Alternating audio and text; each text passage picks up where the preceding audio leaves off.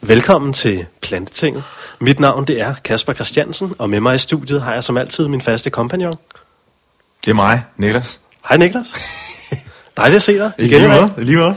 Siden sidst, der har vi jo... Øh, ja, vi har fået en masse ting op at køre. Vi har fået vores Facebook op at køre. Vi har fået en masse dejlig feedback øh, fra jer, kære lytter. Og så har vi... Øh, altså, vi har simpelthen læst hver en linje af, hvad folk har skrevet. Det har været simpelthen så lækkert. Det har været mega fedt. Altså, fuldstændig over al forventning. Så øh, Hvad det, skal er der bare, ske det er bare lækkert. Hvad skal der ske i dag? Jamen, i dag har vi øh, besøg af Kasper Bilton, som er en vegansk håndboldspiller og stifter af Earthlead Det er simpelthen Mr. Earthly, vi har i studiet i dag. i egen høje person. Fedt. Jeg glæder mig til at være med. Det er fucking dejligt. Og Kasper, du er jo... Øh, ja, som sagt, du har bloggen Earthlead. Du, øh, du skriver en masse artikler på den blog der. Du er håndboldspiller. Og øh, ja, har jeg ramt rigtigt? Ja, næsten. Altså, jeg vil lige sige, at øh, ja, jeg er håndboldspiller, men Earthy, det er jo ved at være en blog for mange andre. Øh, der er rigtig mange, der skriver det andet, som bodybuilder og, og fighter og alle andre, som er veganere og, og, og dyrker sport. Så, øh, så, så det er ikke mit, det er faktisk alle, der, der, er, der er aktive, hvis man siger sådan.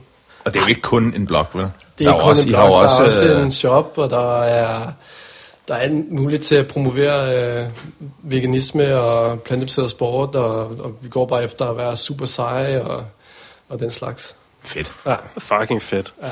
Så det er, simpelthen, øh, du, det er simpelthen et samlingspunkt på internettet for øh, veganske personer, der dyrker sport. Ja, men det er det. det, er det. Vi, vi har prøvet sådan at, at lægge sådan et, øh, et første sådan lag på, hvor at, at vi vil gerne symbolisere professionalisme. Så det er der, vi har lavet for eksempel øh, noget, der hedder Earth Eliten, hvor vi samler alle, øh, alle plantebaserede sportsudøvere i Danmark. Øh, og vi prøver at lave listen lige så lang vi kan, og der kommer tre nye på hele tiden. Øh, så, så der ligger vi sådan et standarden på, at vi gerne vil være professionelle og vise ud til, at, at man kan sagtens dyrke sport og, og spise en kost på 100% planter. Ikke? Øh, og så, øh, så er der der, hvor, som du siger, der er blogs, øh, hvor at øh, forskellige atleter får lov til at blogge, øh, men også hvor vi, vi skriver blogs om, øh, om fitnesshistorier om nogen, der måske har tabt sig, eller nogen, der har taget på i muskelmasse, eller nogen, der bare har en, fået en super god oplevelse rent sportsligt eller i fitnesscenteret.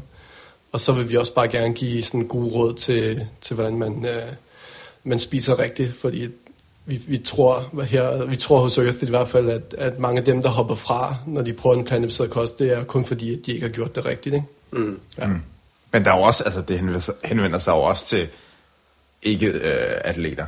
altså det er jo stadig brugbar information øh, Ja, på siden, ja, selvom man ja, ikke nødvendigvis ja. Løber 100, 100 km om ugen. Nej, præcis. Ja, Altså, vi, vi bruger atleterne på Earthly som, som en inspiration. Ikke? Er ligesom, at okay, hvis ham der kan løbe mega mange kilometer, øh, tre marathons øh, på tre måneder, ikke? Mm. så kan jeg nok også godt øh, være veganer, og så bare lige løbe min 5 km tur. Ikke? Altså, Helt så, øh, så det handler bare om at, at få at, at fange folks interesse. Ja.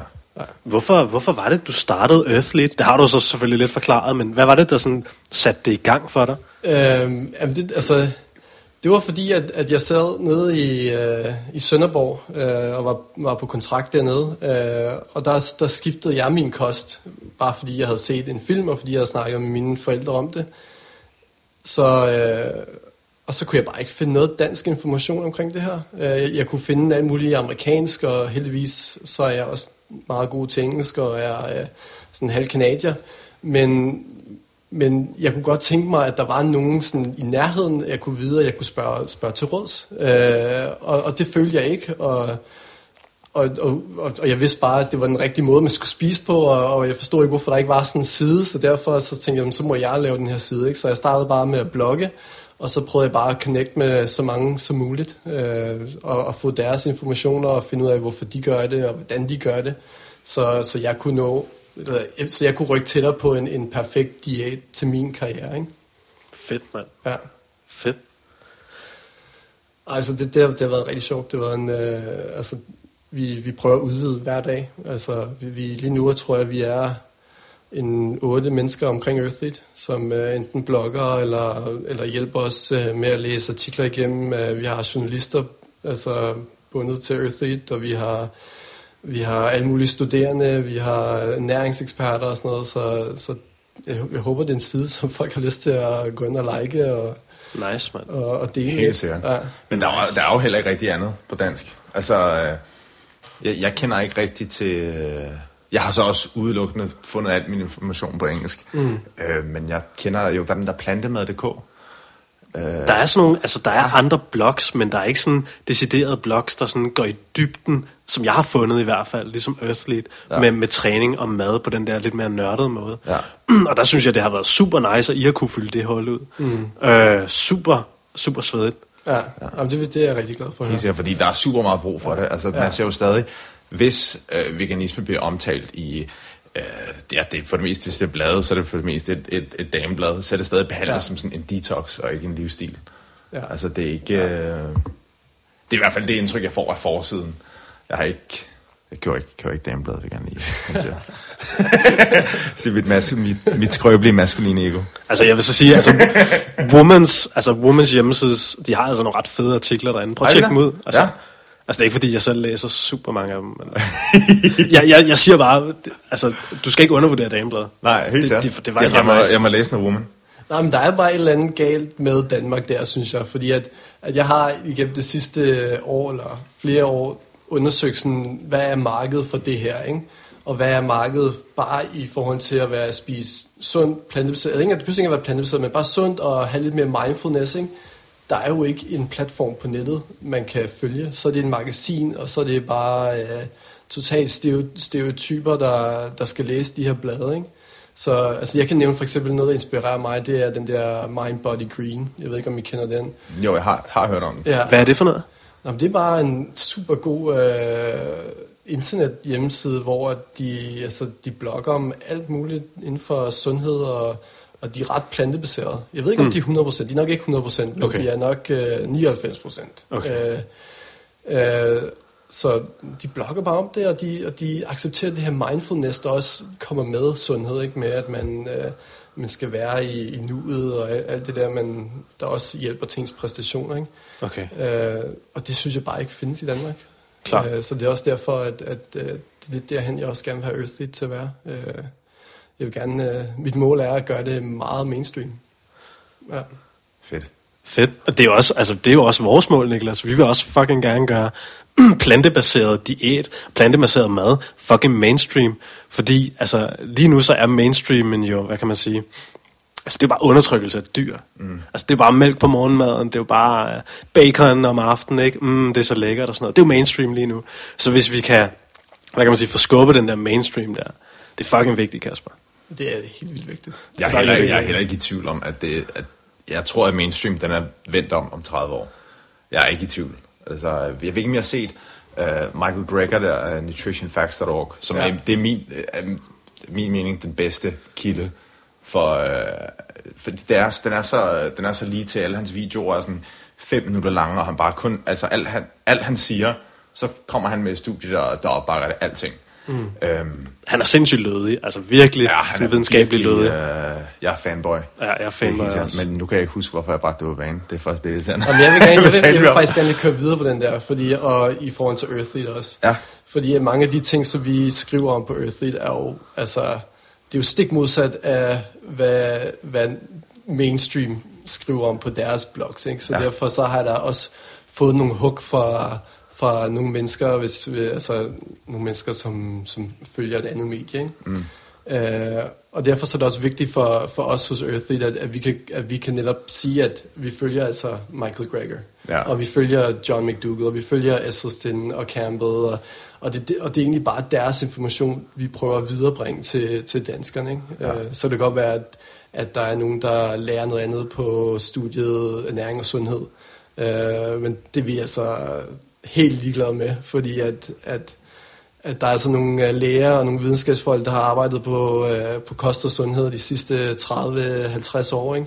Og det, det, er først, det er deres viden, der, der, der har sådan slået igennem nu, og det, og det er den viden, der skal, der skal igennem ja. og, og skal frem, ikke? Og det, det er jo sjovt, det bliver, det bliver ignoreret, fordi de allerdygtigste læger i hele verden, der øh, behandler det, der dræber allerflest mennesker, som er hjertekarsygdomme, det er folk som Esselstyn, som er, hvor gammel ja. er han? han? Han er Cleveland Clinic, som ja. er en klinik i verden, der er bare sådan, altså, de er fuldstændig unparalleled. Der er ingen andre øh, læger eller klinikker, der kan nå dem til sokkerhånderne. Altså, de, det er også det, vi kommer frem til, at hvis dit totale kolesterol er under 150, så er du heart attack proof. Du, Ja, kan ikke, det, ja. det, du kan ikke Og få det er aldrig blevet målt en, øh, Nej. en heart attack under det. Ja, og det, det, det er så vildt, at der er ikke nogen, at, at sådan, det, det er de dygtigste i verden.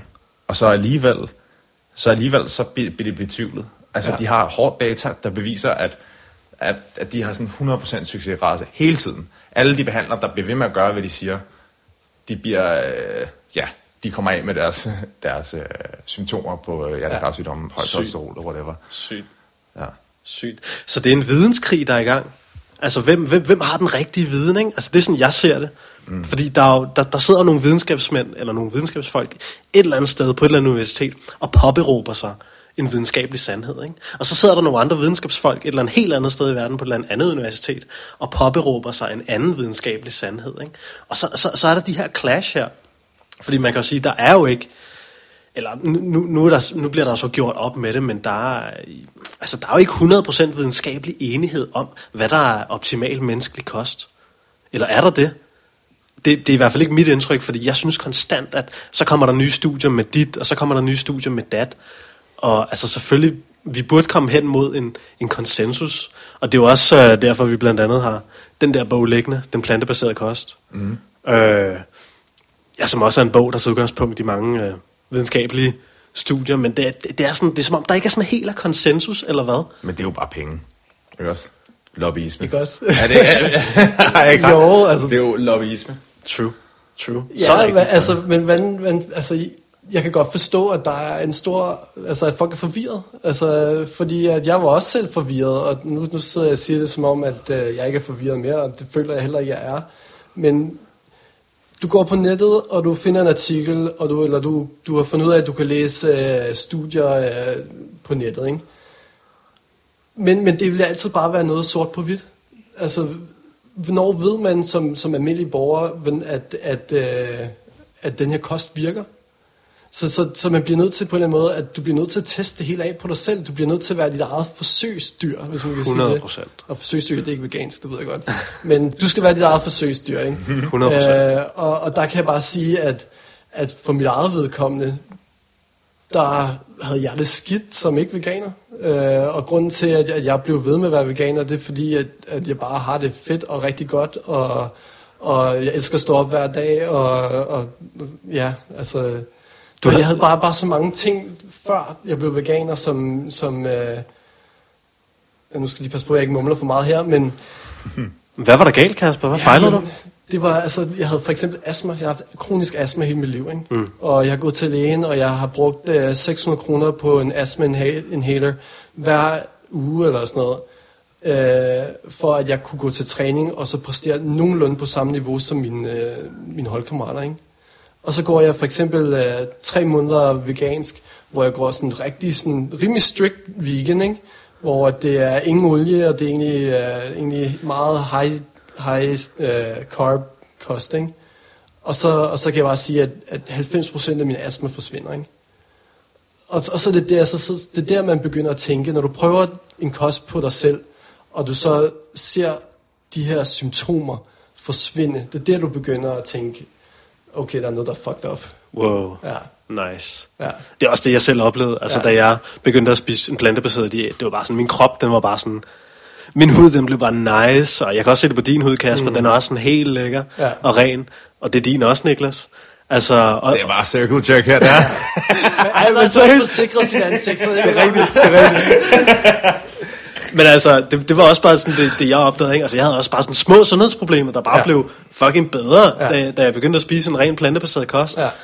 Og, og det er der mange mennesker derude, der opdager. Ja, og, og det, en, det eneste, der er rigtig ærgerligt lige nu, det er, at alle de her små symptomer, det forbinder folk bare ikke med mejeri eller kød eller alle de der ting. De Ej, tror jeg har at- dårlige gener.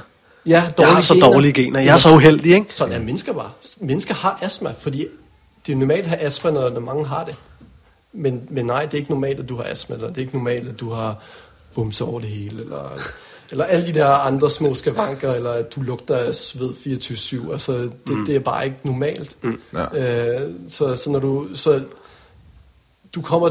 Altså, jo mindre symptomer du har, jo tættere på et, en perfekt kost, er du egentlig ved at få, ikke? Så, så du mener, at al sygdom kan kureres med mad? Eller hvad, hvad er det? Ej, nu skal jeg passe på. Altså, øh, men meget kan kureres. Mm. Altså, jeg vil i hvert fald teste... Altså, hvis jeg har et sygdom, øh, og jeg ikke er blevet veganer, eller er veganer nu, så vil jeg lige først teste, om, om, øh, om, øh, om en plantebaseret kost kan, kan kurere det, eller gøre det bedre, ikke? Mm. Inden at jeg vil øh, fyre medicin og bare tage til lægen og, og være godtroende. Helt sikkert. Ja. Spændende. Jamen, det er en, det er en spændende snak. Altså, også, men det er også en personlig snak, ikke? Fordi at man, man sidder jo her med nogle følelser, fordi at man har alligevel levet... Okay, det lyder ikke så meget, fordi vi stadig er rimelig unge, men, men jeg levede 23 år, inden jeg blev veganer, ikke? Og i de 23 år, det har jo bare været astma hver dag, ikke? Mm. Altså, at skulle passe på, hvor jeg gik hen, skulle passe på, hvem jeg besøgte, skulle finde ud af, har, din, øh, har, har, har I kat? Så ej, det, det, det måske ikke være så godt, hvis jeg tog afsted, fordi at jeg kan ikke lide tåle kat og sådan noget, ikke? Men, men så skal verden jo bare ikke være. Altså, hvis så, altså, det var også en, altså, allergier, det er også nærmest forsvundet for mig. Ikke? Ja, Øh, det har jeg også oplevet. Ja. Jeg, havde, øh, jeg havde helt vildt slem øh, allergi, sådan, specielt i sådan august-september. Og nu er det ikke, jeg har det stadig, men det er meget, meget lidt. ja. Ikke særlig meget. Øh, men du har også, du har også du havde øh, allergi, eller hvad? Jamen, jeg havde meget allergi, altså, ja. og det var egentlig bare, altså det var for eksempel græs. Jeg tror, at, at hvis jeg ikke havde haft allergi, så havde jeg spillet fodbold, ikke? Ja. Øh, men, men jeg- var til, til to træninger og en fodboldkamp, da jeg var 8 år, og havde super røde øjne, og det klødte over det hele, og så tænkte jeg bare, okay, jeg skal ind i en halv. Mm. Og det var egentlig derfor, jeg, begyndte at spille håndbold mm-hmm. i sin tid. Ikke? Øh, men prøv, prøv at tænke på, at, at hvis det ikke, hvis det ikke, øh, hvad skal man sige, hvis, hvis jeg havde været veganer, da jeg var lille, så havde jeg ikke haft de allergier, så havde jeg måske været professionel fodboldspiller, og så havde jeg tjent kassen, ikke? Mm.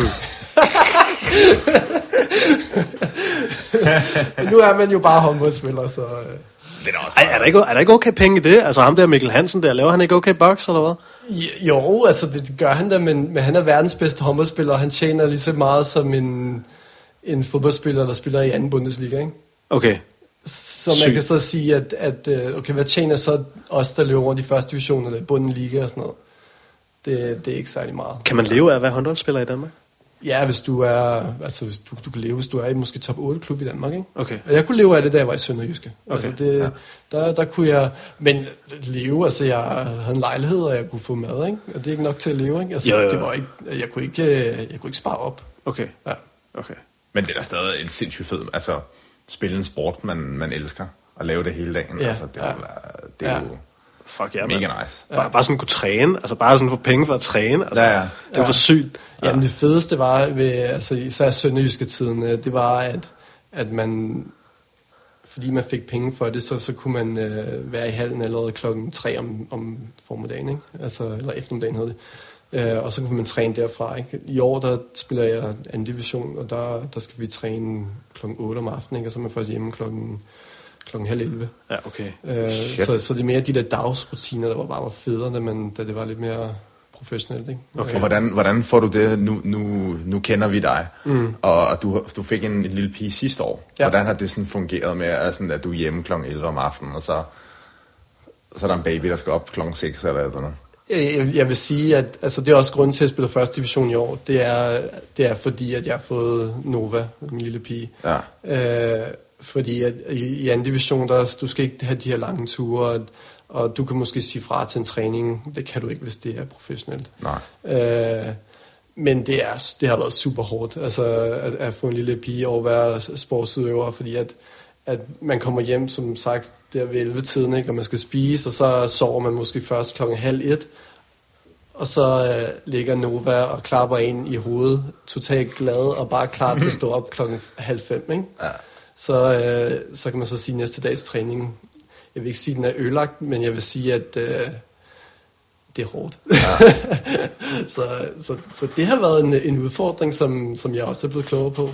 Ja. Øh, Det må Men jeg tænker på, kunne vi ikke runde det lidt? Hvordan det Jo, var at, sådan, at, at opfostre øh, en, en lille pige helt vegansk, om der har været nogle clashes med, med læger eller sådan noget. Har, der, har du Sundhedsplejersker, eller mm. måske myndigheder, eller sådan noget. Altså, jeg vil lige, altså først vil jeg sige, at det har været super fedt at gøre det helt vegansk. Mm. Øh, det har været det har været så nice, og, og jeg har været så glad for at se den her lille pige bare, altså, altså, hun, er, altså hun er 10 måneder nu, ikke? Mm. og hun har haft en sygdag, Syg. øh, imens hun var ved at få tænder, hvilket er ret normalt. Ikke? Mm. Øh, og så kan man bare se på hendes øjne, at de bare er sådan helt, sådan helt flotte, og, og farverne bare stråler ud af øjnene på hende. Ikke? Øh, så, så i forhold til sådan, så får man just, der kommer sådan en sundhedssygeplejerske hjem til dig de første 5, 6, 7 måneder, ikke? Øh, og, og tjekker, om alt skal være, som det skal være. Ikke? Øh, og det har vi også, og der har vi faktisk haft en rigtig god en, øh, som har været, været med på, at øh, vi gør tingene, som vi gør. Øh, Var det noget, I sådan skulle researche, sådan før I fik hende? Sådan, at I havde fundet sådan en, øh, hvad hedder det? Hvad, hvad, hvad hedder En sundhedssygeplejerske, En sundhedssygeplejerske, er, er sådan, at det var en plantebaseret sundhedssygeplejerske? Eller Nå, var hun det, er var ikke det, plantebaseret, hun var, jeg tror bare, jeg ved det ikke, altså nu er det min første gang, jeg har prøvet det, og jeg tror bare, vi var heldige. Altså, mm. hun, hun var bare åben over for, at folk ikke gør tingene på samme måde, men hun kommer og tjekker op på, om, om barnet har det godt, og om barnet øh, er glad, eller om barnet holder sin vægt, og om barnet vokser, og alle de der ting, ikke? Og så, øh, hvis hun ser, at der, er- der er noget, der ikke, der ikke fungerer, så, så siger hun det, og så, øh, så, så finder, de, finder man ud af sammen med hende, om, om hvad man skal gøre, ikke? men heldigvis så, det, så har vi ikke været i den situation. Nej. Så vi har bare kunne se på papirerne, at hun vokser, og hun er i højde er hun over gennemsnittet, ikke? og i, i vægt, der ligger hun sådan på gennemsnittet, måske lidt lavere, sådan, altså sådan bare sådan perfekt, hvis man kan sige sådan. Det, Mhm. det, det er virkelig fedt at se. Fedt. Ja, især fordi, at der kunne være nogle fordomme over for, at man ikke skal gøre det vegansk. øh. Men hun kommer også, og spørger hun jo også bare, at øh, "Nå, men husk at give hende proteiner, ikke? Så man får videre, ikke? Og der, der, der smiler jeg bare til hende, fordi jeg ved godt, at hun får proteiner, og jeg ved, jeg ved godt, at der er proteiner i alt, ikke? Øh, så, så, så det handler egentlig også for barnet om at spise det rigtige mad. Øh, Ja, for hvad, hvad for noget mad giver I din pige? Øh, vi startede ud med sådan en grød, men det gad hun ikke så lang tid, fordi hun hellere ville øh, selv. Så hun får øh, søde kartofler og bønner og kiwi og banan og peanut butter mad og, mm. og pasta. Det, hun lige begyndt at elske pasta, mm. øh, så, så det er ret fedt. Fedt. Ja, og hun sidder bare med det selv, og har det i hænderne, og kører det rundt i ansigtet. Jeg glemte også at sige avocado. Hun er bare sådan en avocado-pige. Altså, jeg tror, hun spiser en avocado om dagen. Altså, Lækkert. Ja, det er helt vildt, og hun sidder bare med det selv i hånden, ikke? Ja. Ja, det, og, og det er også bare fedt, fordi at hun har bare altid haft lyst til at spise. Altså, hun er ikke sådan... Det var måske lige på et tidspunkt, hvor vi, hvor at vi, kunne, vi kunne ikke få hende til at spise, da vi havde grød. Da vi lavede grød, jeg tror bare, det var sådan lidt for kedeligt for hende. Mm. Og så stak vi hende sådan en avocado. Sådan, måske er det, fordi hun vil have noget mere rigtigt mad. Altså sådan noget, der, en plante, der er mere tæt på dens natur, ikke? Øh, og så sidder hun bare kørt ind. Altså, og så sidder man bare og smiler til hende her. Ja. Fedt. Så man, kan man, det lyder måske lidt underligt det her, men, men kan man bruge et, et, et barn eller en baby til ligesom at, finde ud af, hvad der er den rigtige mad for mennesker? Fordi det lyder jo lidt som om, at, at det var det, du fandt ud af der. At du vil, eller det var i hvert fald en refleksion, du havde mm. med, at, at din datter hellere ville have en plante, som du selv siger, der var tættere på naturen. ja. Altså, tror, tror du bare, børn er sådan, tror du, børn vil have naturlig mad direkte fra, fra planten? Ja, helt sikkert. Altså, helt sikkert. Jeg tror, børn vil have... Altså, det er lidt sjovt, fordi at, at jeg tror, børn vil have de her planter, som du snakker om, og kulhydrater. Altså, de, når, når noget smager sødt, så elsker de det. Mm. Og det. Og det er fuldstændig som os voksne skal spise. Ikke? Vi skal spise de her planter og få de her, det her næring, og så skal vi spise noget, der giver os energi. Ikke? Altså, mm. Så man kan så sige, at for eksempel vi giver en pasta nu, som måske man kunne godt finde noget, der var tættere på naturen, ikke? Men altså, hun, hun synes jo bare, altså hun, jeg tror bare, hun kan mærke, at hun får energi af det, så hun sidder bare og kører det i, hun kan holde om de her pastaskruer og sådan noget, ikke? Øh, så Jeg ved ikke, besvarer det dit spørgsmål? øh, Ja, ja, lidt? det var bare, hvis du havde nogle refleksioner omkring det, Men, men, men helt sikkert, altså, altså mig og Niel, som er min kæreste, vi, er, altså, vi snakker tit om det, fordi Mm. at, at selvfølgelig kan vi da også godt mærke, at vi, er, at vi gør tingene lidt anderledes end, end, end andre. Altså, og, og, og, så, øh, og så kommer man jo også bare til at holde øje med, med andre folks børn, og, og hvordan de har snotnæs hængende ud af næsen, ikke? Og, mm. Eller snot hængende ud af af snotnæsen, ikke? Øhm, og det har Nova bare heller ikke haft. Altså, så, så, så man, man sidder bare og bliver sådan mere og mere... Øh, man finder mere og mere ud af, hvad den rigtige kost er med på sådan en barn. Det, det synes jeg. Det Okay. synes jeg for at være ærlig. Uden Fedt. at det er lige eller noget som helst. Altså, ja. Så hvad så, når, når Nova en dag kommer i institution? Hvad, hvad skal der så ske? Og hun skal, altså, hun skal spise vegansk. Helt sikkert. Altså, sådan er det. Ja. Altså, vi prøver at finde nogle løsninger. Jeg tror, det er det sværeste lige nu, det er, at, at vi, øh, vi er lidt svært ved at give slip, ikke? hvor mm. hun er ved at nå den alder, hvor hun skal faktisk i vuggestue og sådan noget. Men, men som sagt, jeg er lidt svært ved at give slip, og jeg tror, give slip, og jeg tror også, det handler om, at man at vi ikke lige helt kan styre, hvad hun får at spise, selvom, øh, ja, øh, så vi finder ud af noget, en, en, måske en lidt alternativ måde at gøre tingene på.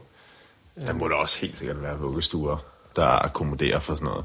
Ja, I 2017, så må det da helt... Det, Klart. det er jeg ikke i tvivl om. Klart. Men så, er det, så det skal jo så selvfølgelig også være tæt på. Så, ja det skal være ja, jeg det er klart. Og Det er klart. Ja, det ved jeg ikke. Vi var ude og besøge en, øh, en vuggestue, og som, som vi fik at vide nogle andre, de synes, at vegansk mad, det var... At, at det gjorde de. Altså, det, det stillede de ikke spørgsmålstegn ved. Du har kommet til nogle vuggestuer, hvor de faktisk siger, at vi kan kun give din, øh, din lille datter vegansk mad, hvis I har en lægeerklæring. Og så det var sådan, okay, men det er ikke, altså, hvordan kan vi få en lægeerklæring, når hun ikke er syg? Det var sådan, det er sådan, at vi vil gerne have, at hun skal spise, fordi hun skal forblive sund og rask. Mm, mm. Øh, så, så derfor så har vi fundet ud af, at, øh, at der var den her vuggestue, hvor de ikke sådan spurgte så meget ind til det, og så gik vi op og så gik vi op for at besøge det, og så kom vi bare ind og trådte ind, og så lugtede det bare af svinekoteletter derinde. Ikke? og det kan godt være, at de sådan har accept for, at, øh, at, at der godt må være veganer, ikke? Men oh, kæft, det trigger bare noget hos mig, jeg bare tænker, okay, jeg, jeg har bare lyst til ikke at være her. det må jeg indrømme. Ja, det kan jeg godt forstå. Ja, så, men jeg tror, vi, altså, vi bliver nødt til at gå på kompromis på det. Altså, altså ikke med, altså, man kan ikke finde et, et 100% vegansk sted selvfølgelig, men, men øh, vi, skal, vi skal finde det bedste sted. Okay. Ja. Men er, er, er det udelukket, at, sådan, at, at et barn i vuggestuen kan have madpakke med? Kunne man ikke godt gøre det? Jo, jeg tror altså, det, det er sådan, de kører mange af stederne, det er, at, at de får... Øh, de får det, de kan spise, som de laver, og så, og så kan forældrene spæde lidt til. Altså, hvis de ikke har råd til, hvis vuggestuen ikke har råd til at, at købe plantemælk, for eksempel, mm. så, så, så, så køber forældrene bare plantemælk. Mm. Så, så det er bare sådan, man gør. Det kunne også være, at I bare skulle prøve at konvertere en vuggestue. Ja, eller starte sit eget. Det kunne også være fedt. Altså, jeg kunne, jeg kunne altså sådan per- personlighedsmæssigt, ikke sådan daddy daycare goes vegan, altså det kunne sgu være helt vildt fedt, man. Bare sådan, der, sådan fem rollinger løbende rundt, og de bare altid med avocado over det hele, det kunne bare være nice. Men hey, der må sgu da være, der, er der ikke sådan nogle dagplejetilbud for sådan veganere eller sådan noget? Fordi jeg kan huske, jeg var, jeg, jeg snakkede med sådan en kvinde engang, ude i, uh, vi har en kolonierhave, Ja. mig og mine forældre. Uh, og der mødte jeg en kvinde, der havde sådan et dagplejetilbud Ja. for sådan nogle Rudolf Steiner børn. Jeg tror også, det er mere sådan noget, vi skal hen, hen til. Ja, ja, fordi det var sådan, hun sagde, det var sådan meget specielt, og det var sådan noget, sådan noget det var sådan nogle spirituelle mødre, ja. Og det var sådan, det var sådan lidt, øh, lidt specielt, ja. Ikke? Er det ikke sådan noget, hvor de kommer og lege med sådan træ? Jeg, jeg ved det ikke. Klod, træklodser og sådan noget. Jeg, jeg ved det ikke, men, men hun var... Jeg tror, hun, du for meget Keith. ja, det er det, jeg har det fra. Ej, men helt seriøst. Da, hun var super cool, altså super nice. Øh, men men jeg, jeg tænkte bare, okay, hvis man har dagplejemøder som hende, altså så må der vel fanden også være en, en vegansk dagpleje et eller andet sted. Men altså Kasper, start det selv, mand. Ja, fordi jeg, Start kan, det jeg selv. kan tage hånd om alt.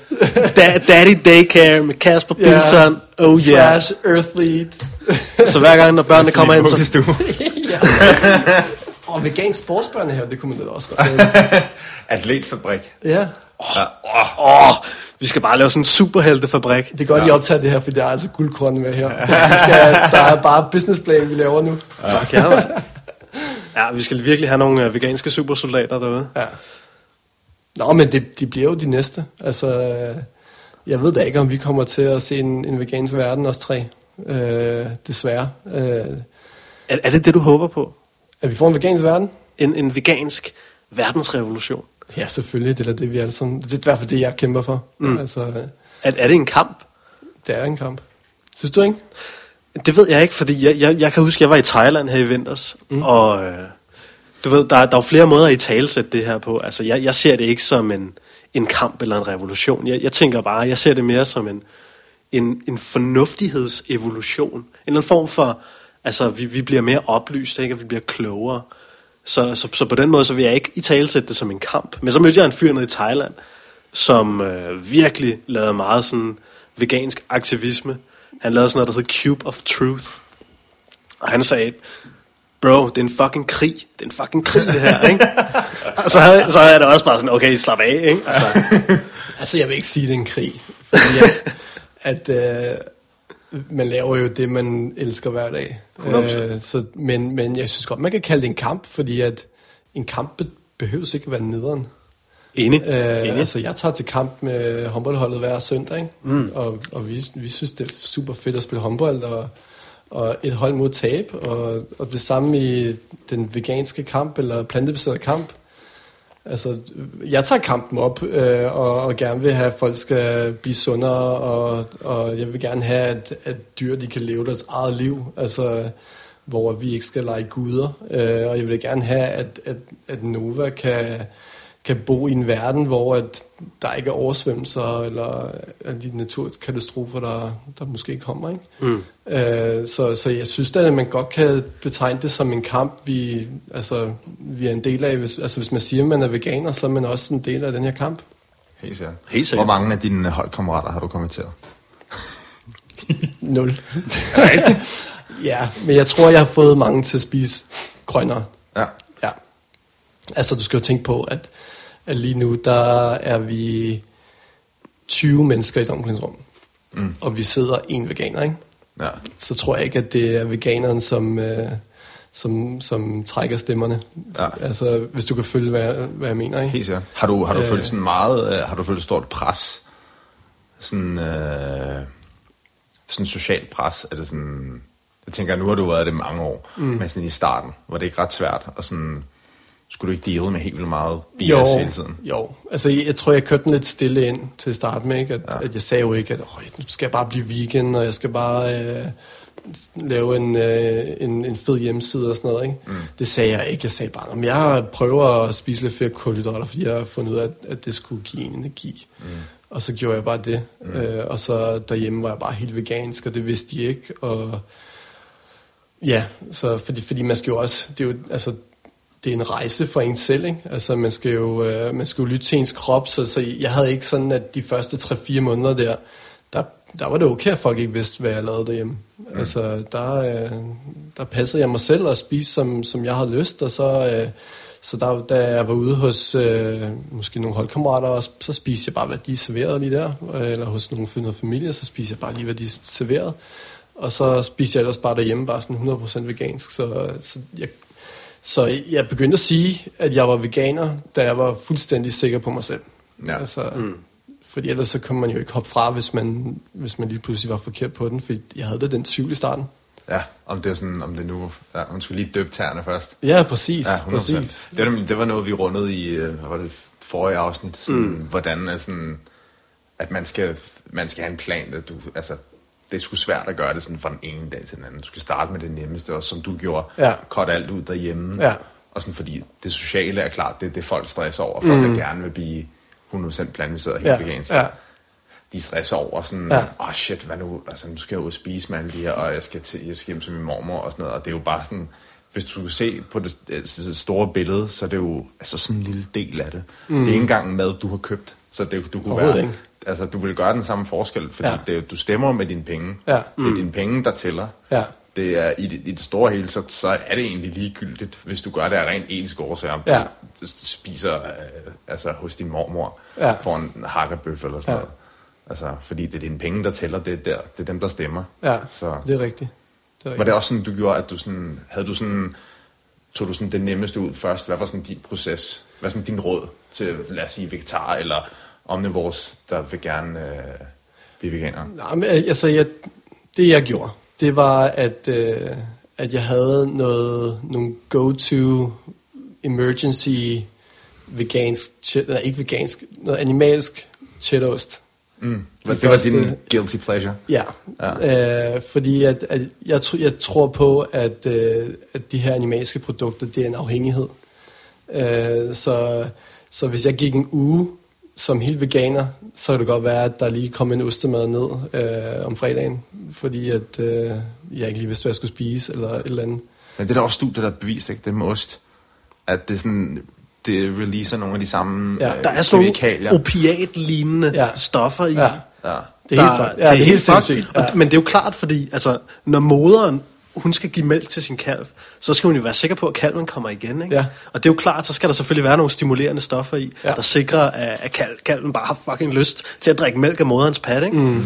Og, det, det, og det er jo så nøjere at tænke over, det er jo også bare derfor, vi bliver afhængige af ost. Ikke? Ja. Fordi det var også personligt det sværeste, jeg havde, da jeg blev veganer. Det var sådan, jeg Gælder bare, det også for mælk, så? jeg havde, jeg havde bare Ja. ostecravings. Ostekravings? Ja, ja, du ved, det er mere koncentreret i ost, tror jeg. Mm.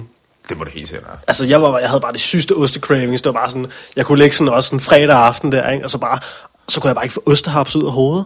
altså, du ved, så, skulle jeg, så havde jeg bare sådan, fuck, jeg skal bare have ostehaps nu, ikke? Og, Lillebror. ja, ja, du ved, den der, den der, den røde lillebror, ikke? Det er også bare den ulækreste ost. Seriøst, jeg tror, jeg har spist måske en af dem i hele mit liv. Det er det, der, det, der, det, er det ulækreste i hele verden. Jamen, jeg, jeg, jeg synes også, det, det er pisse klamt. Ja. Men, men det var bare det, jeg cravede, ikke? Og, eller cheddar, eller altså, Ja. ja. du ved, sådan en god ostemad. Baby? Bell. Baby Bell. Ej, det er fucking... Kan, kan I huske de Ja, børn, de der som så, runde der. det, det, De runde der, med det der øh, le- modellervoks, og så var der sådan børn, der sådan gemte det modellervoks, som bare var total ostelugt modellervoks, og bare gik rundt og nullede det. Så hvis jeg havde det her, det, det er mega off topic, men det er mega sjovt. Der var sådan en kammerat fra min fritidshjem, der sådan nogle gange gik rundt, og så havde han bare sådan et stykke ost i lommen, fordi han godt kunne lide at røre ved det. så gik han, så gik han bare og nullede sådan et stykke ost. og hans fingre lugtede søgst. Så ulækkert. Ej, ej, hans forældre må da have sagt et eller andet til ham. Altså, Det, det fik de ikke ud. Det er jeg helt sikker på. Det fik de ikke ud. Faren de kan sgu da- sikkert med på den eller sådan noget. det tror jeg sikkert. Det er sådan noget, det er sådan en familieting, tror jeg. ej, så slem har jeg aldrig været med ost. Nej, Nej, Jamen, men det det var var- jeg heller ikke. Men ostehaps, det er alligevel det er en underlig craving. Jeg kan Ja. forstå cheddar. Altså, Ja, det, for man kan lave mange ting med cheddar, ikke? ja, jo, men Altså for eksempel, du kan lave sådan noget grilled cheese sandwich, og du kan putte det på øh, Pizza. pizza, og du kan putte det på nachos og sådan noget, ikke? Mm. Og det skal lige sige, at man godt kan få veganske versioner til alt det her nu, ikke? Øh, ja, så, ja. Vio Der er jo Life, kæmpe- mand. Ja. Jeg så, der er sådan en ny en her, ikke? hvad hedder den? Den hedder sådan noget øh, Made in Italy, eller sådan noget, som bare er altså nødeoste. Ja. Jeg har ikke, jeg har ikke været inde og... ja, det er på Torvhallerne måske. Mm. Har, du, har du været der? Kender du det? Nej, nej. Jeg, jeg, om følger ham på Instagram, og det ser helt vildt ud, men jeg, har ikke, jeg, jeg spiser heller ikke her meget og sådan noget. Jamen, man kan Øh. jo lave den der, sådan, nu er jeg kærester med en, med en kok, ikke? Altså, og man kan jo lave alle de her oste bare uden nødder. Altså, ja. det er jo helt sindssygt. Så, så man kan jo bare, bare, bare lave produktionen om, ikke? Altså, sådan, til, til den her veganske verden, vi, vi gerne vil have. Altså, så alle dem, der laver ost, så kan de bare lave cashew-ost. Det, det er meget bedre. Det er fucking lækkert. Ja. Altså, men det er bare sådan lidt... Altså, jeg, jeg havde en virkelig dårlig oplevelse, som jeg gerne vil fortælle om. Øhm, jeg, jeg havde købt en vegansk ost, og øh, jeg havde den stående i køleskabet. Og øh, så, øh, jeg kan ikke huske, jeg, jeg var kommet hjem fra arbejde, og så, jeg havde bare ikke noget mad i køleskabet. Men den der ost, den stod der bare. Og så var jeg bare sådan, fuck det, jeg skal bare have et eller andet at spise. Så, så tyrede jeg bare den der ost der, ikke? Altså hele den der pakke med vegansk ost. Uden noget? Og så, øh, uden noget, ikke? og, så, og, så, og, så, og så sådan en time efter, så begyndte jeg bare sådan at, at, at få koldsved. Så, så løb der bare sådan koldsved ned ad panden på mig, og jeg fik det bare, åh, jeg fik det så dårligt, ikke? Og jeg havde lovet min nabo at komme ind til fest. Og jeg, og jeg måtte bare åbne den der dør, og de bankede på hos mig. Fordi jeg, jeg, var, jeg havde lovet at komme ind til min nabo til fest der. Og jeg, men jeg lå bare med sådan ostekoldsved på sengen? Eller vegansk ostekoldsved. Og, det- og det var sådan, de bankede på, og jeg åbnede op, og sådan, ej, jeg kan ikke komme, jeg har spist vegansk ost, og sådan noget. De glodede bare på mig, som om jeg var idiot, ikke? Øh, så, så det vil jeg altså også lige sige til, til jer lyttere, pas på ikke at binge i vegansk ost. Men jeg tror du ikke også, det har noget at gøre med, sådan, hvad du, du er vant til at spise? Du Jo, jo, spiser 100%. super high carb normalt. Ja, men så hvis du bare hjerner sådan en ned, så, så er det jo klart. Ja. Altså, Det, ja, det, det var virkelig, altså jeg fik det virkelig dårligt. ja. Men det, det er også det, jeg vil, jeg vil, jeg vil faktisk sige det samme som dig, at, at det er måske også en meget øh, god historie til at starte et subject, der hedder, hvorfor vi ikke skal spise så meget olie. Ikke? Altså, fordi, Ja, hvorfor skal vi ikke det, Kasper? Ja, men det, det, altså, det er jo også en øh, rimelig meget fedt, øh, 100% fedt, man, man får indenbords, og det kan din krop jo ikke øh, håndtere på nogen måde. Ikke? Mm. Øh, så, så det kommer til bare at leve i dine blodbaner, og dine blodbaner kommer til at... Det fungerer bare ikke lige så hurtigt som, som uden. Øh, og så er der mange andre ting, som, som det også fremmer hjertekarsygdomme og, og den slags. Øh, så, så, så selvfølgelig tager jeg, spiser jeg veganske ost øh, en gang imellem, men, men bare om fredagen, ikke? Mm. Fordi det, det er nemlig en, en vigtig ting, jeg synes, der skal, der skal adresseres med det der. Altså, at, at for eksempel, når man spiser high carb, betyder ikke, at man ikke spiser nødder. Fordi at spise, lad os sige, 200 kalorier af nødder, eller 200 kalorier af olie, det er en kæmpe forskel. Ja, ja. Altså, Altså, der er jo en kæmpe forskel. Klart. Ja. Fordi du skal, altså, det er også mange, mange laver den øh, fejl, at de tror, at olie er det samme som, eller fedt er det samme som olie. Altså fordi på den måde, at din krop skal bruge fedtstoffer. Og ligesom proteiner, så er der faktisk fedtstoffer i alle planter. Øh, så du skal nok få fedtstoffer til hjernen og til whatever din krop skal bruge fedtstoffer til. Ikke? Mm. Øh, men den skal ikke bruge en koncentreret fedt til at fungere. Det kan, bare ikke, det kan kroppen bare ikke arbejde med. Altså det, den, den har svært ved at placere det.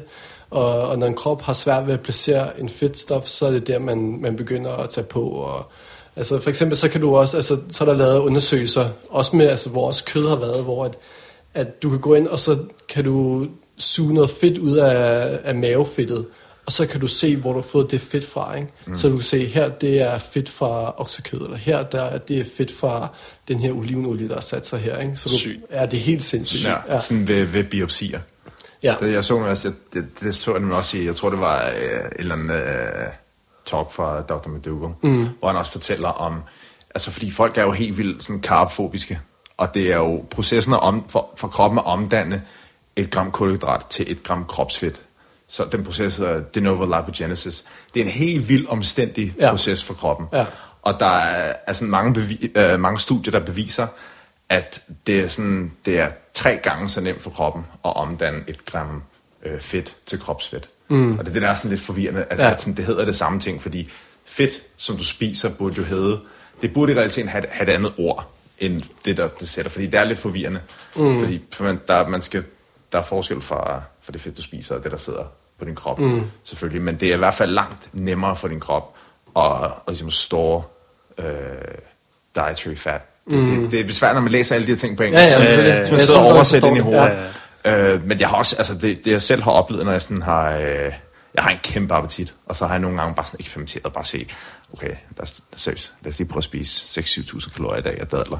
Ja. Og så se, og så bare ikke spise, altså så spiser jeg bare sådan, så er det sådan noget, altså 90% kulhydrat. Bare for, bare for lige at se, hvad der skete. Ja, Øhm, og også for nydelsen selvfølgelig. Og jeg tror ikke på, for så længe jeg ikke spiser noget olie, eller ikke noget salt, Nej. eller noget protein for ja. skyld. Så Men havde du det ikke kun... bare godt? Nej, altså 6-7.000, det var jo dadler. Nej, jeg havde ikke godt. Mm, det er sgu da lækkert. Nej, hvis jeg, Og de jeg sidder- ja, ja, de, nej, men jeg kan ikke, øh, jeg kan ikke øh, hvis jeg spiser sådan mere end 500 gram dadler på for hjertebanken og sådan noget. Seriøst? Ja, jeg kan ikke, øh, Altså, jeg spiste sådan ikke, jeg tror mindst et halvt kilo med juledadler i går. Jeg lå bare i min seng og chillede og havde det lækkert. ja, jeg, jeg bliver utilpas. Jeg kan ikke, øh, det er også derfor, at min øh, shout-out til Monster, jeg vil gerne lige sige, at Monster Sugar Free, Nej, jeg har været op sådan klokken to, det er min undskyldning. Jeg drikker normalt ikke Monster. Men øh, hvis jeg havde drukket, hvis jeg havde drukket sådan energidrik, og det var den normale sukkerversion, så ville jeg også begynde at få totalt hjertebanken. Nå. Øh, Interessant. Så jeg tror, bare, jeg tror bare, vi er forskellige. Jeg tror, at, øh, nu er jeg ret sikker på, at jeg har diabetes i familien. Så jeg ved ikke, om det kan være sådan noget. Det kan være, du, du er super sensitiv til sådan noget Det kan godt høj være. glykemisk indeks frugt eller sådan noget. Ja, men det er ikke, øh, altså, hvis det er, det er kun med tørret frugt. Der er ikke nogen sådan whole food. Det, jeg kan ikke få det af for eksempel, øh, Med stivelse og sådan noget. ja nej, det kan jeg slet ikke få. Men altså, raffineret sukker, det spiser jeg ikke. Nej, okay. Fordi det, det, det, er for, det er for overstimulerende. Ja. Jeg begynder, jeg crasher af det. Ja, okay. Øhm, Sygt. men det er jo også bedre at spise altså, frugter og kartofler og hele fødevarer. Ja, Men det er jo klart, hvis man som Kasper, der lige, hvor, langt har du cyklet i dag? Som Øh, cykelud? 105 kilometer. Ja, så skal der... Så, og hvis du skal uh, replace alle de kalorier Ja. i form af kartofler, Ja. så, for, så sætter du altså din, uh, dit alt system på overdrive. 100 procent. Ja. Det er også Så, øh, måske svært at spise så mange kartofler. Hvis man... Ja, 100%. Men Ej, du, du, du smider Jeg, jeg, også kan en sagtens, bunke, øh, jeg ja, kan sagtens spise en to kilo kartofler på en gang. Altså, det no rigtigt? problem, Ja, no problem. det kan jeg også godt. Uh, Altså, jeg sidder, vi sidder tit, mig og min kæreste, og så laver vi sådan en, øh, så laver vi sådan 3-4 kilo kartofler i ovnen. Og så, og så sidder vi og spiser, indtil vi bliver mætte. Og når vi så begynder at blive mætte, så sidder vi og presser hinanden. Sådan, kom nu, kom nu, flere kartofler, kom nu, kan jeg godt, ikke? Og så er det sådan, åh, oh, okay, en mere, åh, oh, guacamole på, åh, åh, åh, en mere, kom nu, kom nu. Og du ved, fordi vi er nødt til at få de kalorier, sådan, så vi kan træne så meget, som vi har Ja, lyst til, ikke? ja. Og, og du ved, næste dag, så har vi det fucking godt, og så kan vi ud og løbe 20 km sammen, Ja. ikke? Så, altså... Og jeg vil, lige, jeg vil lige sige, at, at I spiser så mange kartofler, ikke? og din kæreste og dig, I ser altså bare brænde godt ud. Altså, I, I står bare knivskarpt, ikke? Det gør du altså også, Kasper. Ja, nogle gange. Ej, du er en, du er en flot fyr. Du har lækre kindben. ja, og, Lækre og kindben. langt hår. ja, Du skal, jeg, jeg tror snart, du skal få det der ansigt forsikret, Kasper. det tror jeg også. Hvordan gør man det? Ja, hvor gør man det? Uh, tryk. Jeg vil gerne sige, brug rabatkode KINGO. Oh my god. Nej, men helt sikkert, jeg synes, altså, for lige at blive lidt seriøs igen, ikke? Altså, der, der er din kæreste også sådan en, øh, en man, øh, altså, som jeg følger på Instagram, og jeg også får inspiration fra, ikke? Altså, fordi at man, der er altså også bare på det kvindelige område mange forvirrede kvinder, der ikke ved, hvad de skal gøre, ikke? Og, og der synes jeg bare, at din kæreste er en kæmpe forbillede, altså, og, og en, jeg henviser folk til at, til at, at, at se, og, og mm. bare for at få inspiration, ikke? Ja. Hun dyrker også meget motion. og Jeg, har, jeg, ved slet ikke Ja, noget men om... hun skal lave... Uh, vi, vi skal løbe maraton sammen her til foråret. Var det det der ultra Nej, det, 53? det er bare... Det, vi tager bare et helt stille og roligt, helt normalt maraton. He- Helt stille og roligt normalt maraton. Her til, til maj, en Københavns Marathon. Ja. Ja. Og så laver vi nok også en uh, halv Ironman sammen til sommer. Fuck, hvor I seje, mand. Så det bliver nice, Ja, det er vildt. det er fandme... Det bliver fucking nice. Ja. Må Earthy ikke være på sidelinjen der? Jo, kom med, mand. Det bliver fucking grineren. Så Ja. laver vi et, uh, et interview, eller skriver en lille blogting, eller et eller andet. Ja, eller måske noget video noget. Det kunne også 100 procent. Ja. Altså, vi hiver bare GoPro'et med og, Ja, cool. og loller rundt. det gør vi. Så øh, det bliver optur. Ja. Det bliver fucking Er det, optur. har du løbet maraton før? Ja, det var nogle år siden. Øh, jeg har meldt mig til et ultramarathon nu her. Ja. Øh, næst, 1. april faktisk, ja. næste måned. Men jeg skal også løbe øh, bare maraton her til mig. Ja. Hvor var det der ultramaraton hen? Jamen, det er oppe, i, øh, oppe ved Tiseville. Jeg skal faktisk løbe det sammen med to kammerater, der også er veganere. Øh, Jakob og Malte. Ja. Og de er også super løbenørder begge to. Øhm, ja.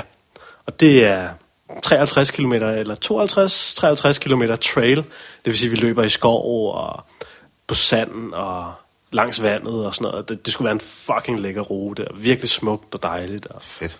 jeg glæder mig sindssygt meget til at prøve det. Det bliver fucking svedigt. Mm. Og en udfordring. Altså, 100%. fuck mand. Jeg vil lige sige, at jeg, jeg løb min første maraton sidste år. Det var fucking nice. Du gjorde det sammen med din far, Jeg ikke? gjorde det sammen med min far, og det var fucking hårdt. Og Kasper, din Øh, far, han er fucking nice. Ja, men jeg skal lige sige her, at øh, jeg trænede op til det her maraton på en måned. Bum, bum. Så min, min, min træning til maraton, det var, øh, det var øh, tre øh, halvmaratons, og så bare lidt øh, ude i Nørrebro, hvor, hvor jeg løb lidt rundt for mig selv. Øh, og jeg kan ikke rigtig anbefale det til andre. Øh, måske starte et halvt år inden, hvis man har lyst til at løbe et maraton, fordi at, at øh, nu gennemførte jeg, og, og jeg havde ikke rigtig noget forventning om tid eller noget, ikke? og jeg løb faktisk øh, nærmest hånd i hånd med min far ind over målstregen. Øh, men øh, så det var en kæmpe oplevelse. Nice. Men, men husk lige at træne lidt mere. Øh, Det vil, jeg vil gerne sige, det vil jeg gerne, øh, fordi jeg har gjort det samme, men bare helt uden træning. Okay. Altså, hvor, at, øh, hvor jeg, havde, jeg havde løbet øh, halvmaratoner før, Ja. øh, også med meget, meget lidt træning, og så tænkte jeg, "Åh, jeg tager lige et... Øh, for jeg altid, det er bare sådan noget dumt ego-trip, sådan, ej, jeg skal lige prøve at gøre det uden træning, fordi det er sejt.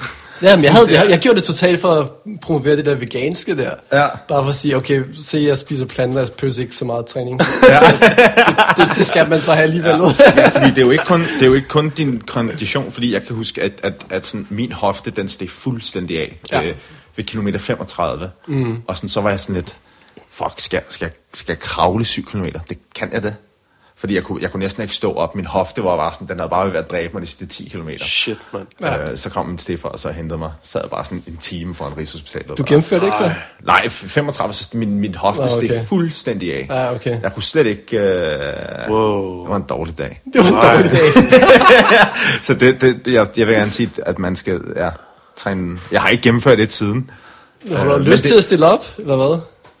Så skulle jeg, så skulle jeg tage det meget mere seriøst. Ja. Men det kunne jeg godt finde på, for ja. Jeg synes virkelig, løb, det giver, øh, det giver meget mere end, end, end mange andre former for, ja. For fysisk træning. Altså, Ja. det er virkelig... Øh, hvis man sådan har en, en vane med at bare få bomber på, jeg kan godt bare få herre bomber på, sådan ja. Ud af det blå, så er løb, altså, det, det er det eneste, jeg har prøvet, der bare sådan fjerner det sådan her.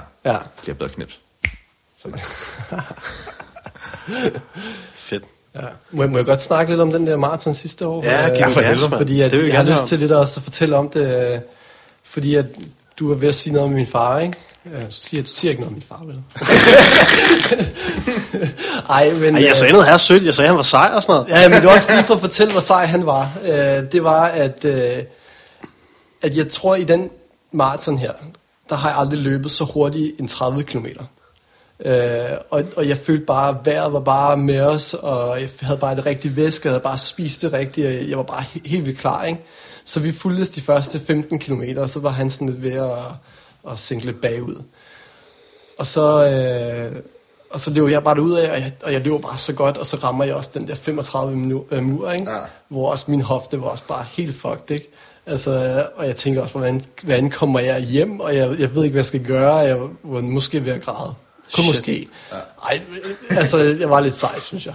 Øh, men så tænker jeg, okay, hvis jeg har så ondt, så må min far også have ondt. Og så, så er det måske bedre, at vi løber sammen hjem, så vi sådan guider hinanden, ikke? Så jeg stopper ved en af de her vandsteder, og så venter jeg på ham, og han kommer bare ikke rigtig, vel? Øh, og jeg står bare og venter på ham, og så, så begynder jeg sådan at gå lidt, og så lige pludselig så kommer han, og så har han med hans konkurrencegen set, at jeg ikke har det så godt. Så han, jeg tror ikke, at han siger hej til mig, så løber han bare forbi mig. Og så ser jeg bare min, ikke gamle, men øh, far på 50 år, øh, ved at slå mig i, mit før, i vores første maraton. Øh, og det kunne jeg bare ikke, det kunne jeg bare ikke have på mine skuldre, så jeg, så lige pludselig så havde jeg ikke ondt i min, øh, i min, min hofte mere. Så, øh, så jeg får sådan, jeg tror han var måske en kilometer øh, sådan fremme, og så får jeg spurtet op til ham, ikke? og så, hvad fanden laver du? altså, det- nu ventede jeg på dig, for vi skulle have en moment, ikke? og så, og så, så løber du bare videre.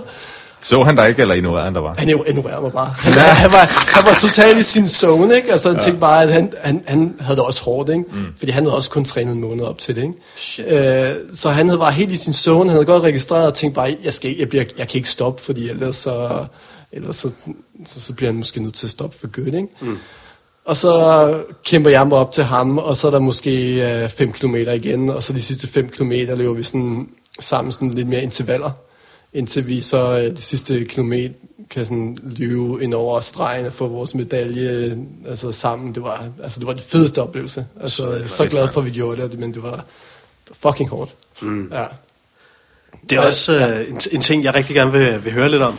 Fordi øh, din far, han er jo også meget aktiv på de sociale medier, ligesom dig. Ja.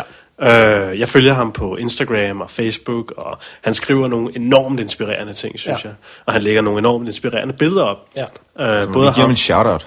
Ja, shout-out, mand. Ja, Shout-out Kevin til Ellers- Bilton, mand. Vegan Kevin Bilton. Kevin Wilton. Hvor, hvor kan vi finde ham, hvis vi vil ind og følge ham? Nå, om Instagram.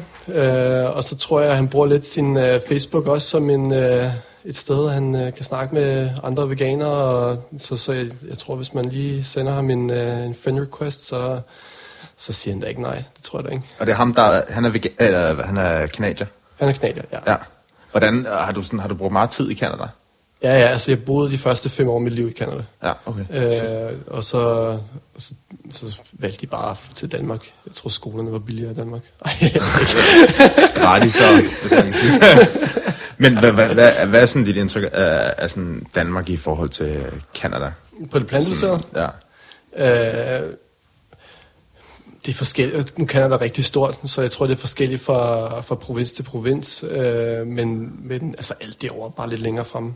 Ja. Altså, det er bare lidt lækre mad, man kan få, når man er ude at spise. Og det er bare, det hele er bare lidt lækre og lidt Tror mere du bare, det er fordi, at, sådan, at byerne er større, eller tror du, der er sådan en forskel i kulturen? Øh, jeg tror faktisk, det er fordi, at der er flere mennesker. Så jo større byerne er, jo flere veganere er der. Ja. Øh, så, øh, så, så er det lidt nemmere at få en... Øh, det er lidt nemmere at få en business op at køre. Øh, når der, selvfølgelig, hvis man har et vegansk business, så, så vil man gerne have, der er mange veganere. Ikke? Ja, det er nemlig også noget, jeg har tænkt over. Min far Australier, jeg har brugt mange år dernede. Ja. Og dernede, der er det veganske community langt større ja. end i Danmark. Men der er langt flere fede mennesker. Australien er det land i hele verden, hvor de mm. indtager mest kød. Ja, Øhm, så jeg tror mere, der er sådan, at Danmark er meget mere homogent i forhold mm. til mange andre lande. Ja. Øh, fordi at Danmark, det er jo egentlig ikke, vi er ikke et sundt land. Men der er ikke, altså over, vi det er ikke et særlig overvægtigt land. Danmark har den højeste cancerrate i hele verden. Det er rigtigt, ja. Ja, men vores, vores øh, altså, Vi er enormt veltrænet. Altså, vi, vi træner meget i Danmark. Ja. Ja. Vi er meget fedt. Jeg tror, vi er et af de mest fedt lande i Nordeuropa. Ja. Men du tror ikke bare, fordi at vi er et lille land, at du har det sådan? Det, er, det, altså, det, det, det er selvfølgelig svært, når du har et land, hvor der kun bor 5,5 millioner, fordi Ja. der skal meget, meget lidt til, før at det sådan skiver øh, ratio og forskellige ting. Altså data er meget nemt at manipulere, når, når det, altså, hvis der sker en eller anden begivenhed, så, Ja. så kommer der en kæmpe... Men, men Danmark er det land med højst cancerrate i hele verden. Ja, og det er rigtigt. Ja. Og knogleskørhed. Og, altså, men det er jo også det, altså, der gjorde indtryk på mig. Nu vi, hopper vi igen væk fra et spørgsmål over for dig, Kasper. Men, men, men altså, hvis man ser filmen Forks Over Knives, ikke? Så, så, kan, så kunne man godt læne sig tilbage og sige, ah, men det er jo i USA, ikke? Men i alle de grafer, der bliver brugt i filmen, der, der bruger de altså også Danmark som eksempel. Ja. Altså, så, så, så var der en prik her i USA, og så lidt længere op var faktisk Danmark i for eksempel, øh, jeg tror det var knogleskørhed, ikke? Ja, ja, vi har jo også altså, dødstjernen Arla, Ja. Så, Så, øh, øh, så, og hvis produkter du kan få, nu var jeg, jeg var også i Thailand i fem uger her i, uh, i vinters, og du kan få alle produkter i supermarkederne. Ja. Og det, det kan du også i resten af Europa, ja. øhm, hvilket er frygteligt. Ja, jeg er heller ikke så glad for Arla. Og deres foodfest blandt andet, Nej. som kommer her til foråret. Ja. Der er, nogle gange så går jeg ind på Arlas forskellige Facebook-sider, og bare seriøst, det er, det er ret sjovt. Det er Ej, altså jeg- ret jeg sjovt at bliver sidde træt. Jeg bliver så Ja, man bliver sådan halvt, halvt, det er sådan halvt, øh, halvt irriterende, men også halvt sådan lidt grinerende at læse kommentarerne og sådan noget. Ja, ja. Nå, ja. det der med heninpelsen, vi ja, snakkede om sidst. Ja, det var Fuck, mand. grin. det var sådan en pige, der, eller en kvinde, der havde skrevet en, øh, i, det var en, en eller anden uh, post, de havde på en de har sådan alle mulige forskellige sider for sådan hver deres kampagner, der skal promovere en eller anden falsk helsefordel ved, ved, ved mælkeindtagelse. Og så var der sådan en kvinde, der havde postet, Hej Arla, er det en kaninpels, damen har på i jeres nyeste reklame for kultur eller sådan noget? For i så fald kan jeg ikke blive ved med at købe jeres produkter. Ej, fy for helvede. Og så var jeg bare sådan, det, var, det kunne jeg bare slet ikke forstå. Det var bare sådan, for jeg, kan, jeg kan bedre forstå folk, der går med kanin, kaninpels, end folk, der drikker, der drikker mælk. Det kan jeg bedre forstå. Ja, men, men igen, altså det der med, at øh, altså, de dræber flere køer, ikke? Og, og så, så siger man, at kaniner har, har, altså, har mere ret til liv end, end køer. Er det ikke bare fordi, de er så nuttet? Jo, men køer er da også ret nuttet. True. Ja, men igen, det er jo alle sammen ting, vi bare er blevet indoktrineret. Fuldstændig. Fuldstændig. Det er det, Ja, jeg det er noget, jeg har tænkt her meget over jeg, jeg, sådan med kæledyr. Jeg synes, det er en, ond- jeg synes, vi har det sådan fucked up forhold til hunde og katte og sådan nogle ting. Mm. Jeg synes, det er underligt, at man ikke kan starte en hundefarm, men du kan starte en grisefarm. Ja. Når grise er langt mere, siger man, sentient, siger man, øh, Øh, kognitivt. Øh, de har i hvert fald flere mentale evner, end Klar. en hund har. Klar. Og jeg, jeg synes, det er, jeg bliver sådan, jeg, jeg, bliver halvirriteret, når, når, når venner eller familie taler om, hvor nuttet hunden er, Hey. og så er de sidder og spiser gris. Kasper, synes jeg- havde du ikke haft en kælegris? Jo, desværre. Men, øh, men det viste sig, at den var en indavlsgris. Så den, den fik det ret dårligt, da den blev vokset op. Så Nå. øh, vi blev nødt til at, at aflive den. Nå. Ja, det var vi rigtig ked af. Og jeg tror faktisk, at... Øh, ej, det er sådan rigtig ondt at sige det her på podcast. Men, men jeg har lige været til sådan nogle forskellige sådan begravelser og sådan noget, ikke? hvor jeg kan sådan holde en ret stone face. Men da den gris døde, så græd jeg. Så jeg, jeg ved det ikke, jeg synes bare, at øh, for mig var den gris et symbol, fordi vi reddede grisen. Fordi at den skulle aflives, fordi at den muligvis var en indavsgris. Så tænkte jeg, okay, hvis jeg kan få fat på den, og så måske er den ikke en indavsgris, og så kan vi give den et liv, så viser det sig, at det var en indavsgris. Mm. Så, øh, Ja, der var sgu ikke rigtig meget, vi kunne gøre der, desværre. Men altså, var det en indavlsgris til, øh, altså til kælegris, eller var det til en, en fødevare? Og det var en, en, en mere en kælegris. Okay. Ja, men forskellen er ikke så stor, altså, fordi at det handler også om bare, hvad du giver den at spise, ikke? Fordi, og, og, og avlsbrættet, øh, brættet, hvad fanden det hedder. Øh, hedder det det? Pas. Nå, for, men fordi at, at griseindustrien, de bliver afledt til at blive store, ikke? Klart. Altså, hvor at de her kælegris er jo faktisk nogen, altså det er jo en gris, men... men De er vel heller ikke på steroider, ligesom... Nej, men de bliver ikke avlet til at, Nej. at, at være til mad, ikke? Så, så der, der parer du måske de mindre sammen, ikke? Mm. Hvor at til de, de, de kødgrisene, hvis man kan kalde dem det, dem parer man de tykke og store sammen, så de bliver endnu tykkere. Men de vel også på steroider, ikke? Det ved jeg ikke noget om. No natty. Altså, jeg, jeg, jeg følger sådan en. Facebook-side, der hedder Esther the Wonder Pig. Ja. Og den er, den er ret grineren. Det er sådan, ja. en, uh, det er sådan et, uh, et homopar, der har, uh, de købte en lille gris, uh, da den var ja, meget lille, og de tænkte, om det er bare sådan en lille gris. Og så tog de den med hjem og hyggede sig med den, og du ved, den voksede op hos dem. Og den blev bare monsterstor. Og de har bare sådan en gigantisk altså så gående hjemme i deres stue, og den er, altså hvis du, du ser de der billeder på Facebook, og du tænker, hold da op, Ja. at de kan have en så stor gris gående rundt derhjemme, ikke? Ja. Og, det, og det er rimelig episk, og jeg tror ikke, de har fodret den med steroider. Jeg tror simpelthen bare, man har avlet de der Ja. grise så meget, så selvom man får sådan en lille bitte hyggelig, sød lille gris, så bløver den altså bare op, når den bliver voksen. Ja. Fordi det, det, man simpelthen har selektivt avlet den for, ja. for de egenskaber. Ja. Men altså, det, altså i grisindustrien, det de gør, det er, at de har jo øh, avlsgrise, altså som er bare nærmest kongerne af alle grise i Danmark, ikke? Mm. Og så er det jo dem, at de øh, lidt stjæler deres sæd fra, og så raper andre grise, ikke? Mm. Altså, så, så de har de her kæmpe grise, som de hele tiden kan avle fra. Mm. Så, øh, så det, altså, det er jo helt fucked, hvordan den industri bare altså, er sat sammen, ikke? Altså, Jeg har faktisk øh, jeg har hørt, at hvis en, hvis en gris kommer ud i naturen, så inden for tre måneder, så vil den have, have groet, øh, hvad hedder husks? Nå, ja, Øh, stødtænder. øh, stødtænder. Seriøst? Så det bliver, altså vildsvin og en gris er fuldstændig den samme ting. Ja. De er bare sådan, øh, Sygt. det, er bare, det, det sker, når den kommer, lidt det samme som at nogle sådan fisketyper, altså de, de, de vokser kun så store som et, et akvarie, eller whatever ah. øh, sø de nu er i. Ja. Øh, så vil grise, de vil også, de, vil blive, de bliver til vildsvin, når stødtænderne kommer ud i, øh, i naturen. Ja. Fuck, hvor vildt. Ja, det er det er ret vildt. sindssygt. Men jeg, jeg har læst, altså det der, jeg tror det var et par dage siden, fordi der var alt det der MRS, MRSA, der var oppe Ja, det er fucked up. Har du læst det? Ja, det er et eller andet med, hvad er det, 80% af alle svinetransporter i Danmark har svine-MRSA. Og det er sådan en, altså, det er en fucked up sygdom. Ja. Og det er altså ligegyldigt, om det er økologisk, eller om det er konventionelt. Ja. Alle fucking svinetransporter har den her sygdom her. Og så var det noget med, så det jeg læste om det, det var, at øh, hvis du så tog de her MRSA-grise og puttede dem ud i frisk luft, og altså bare gav naturen som den, dens hjem, ikke? så ville den faktisk kunne kurere den sygdom, som antibiotika ikke kan kurere.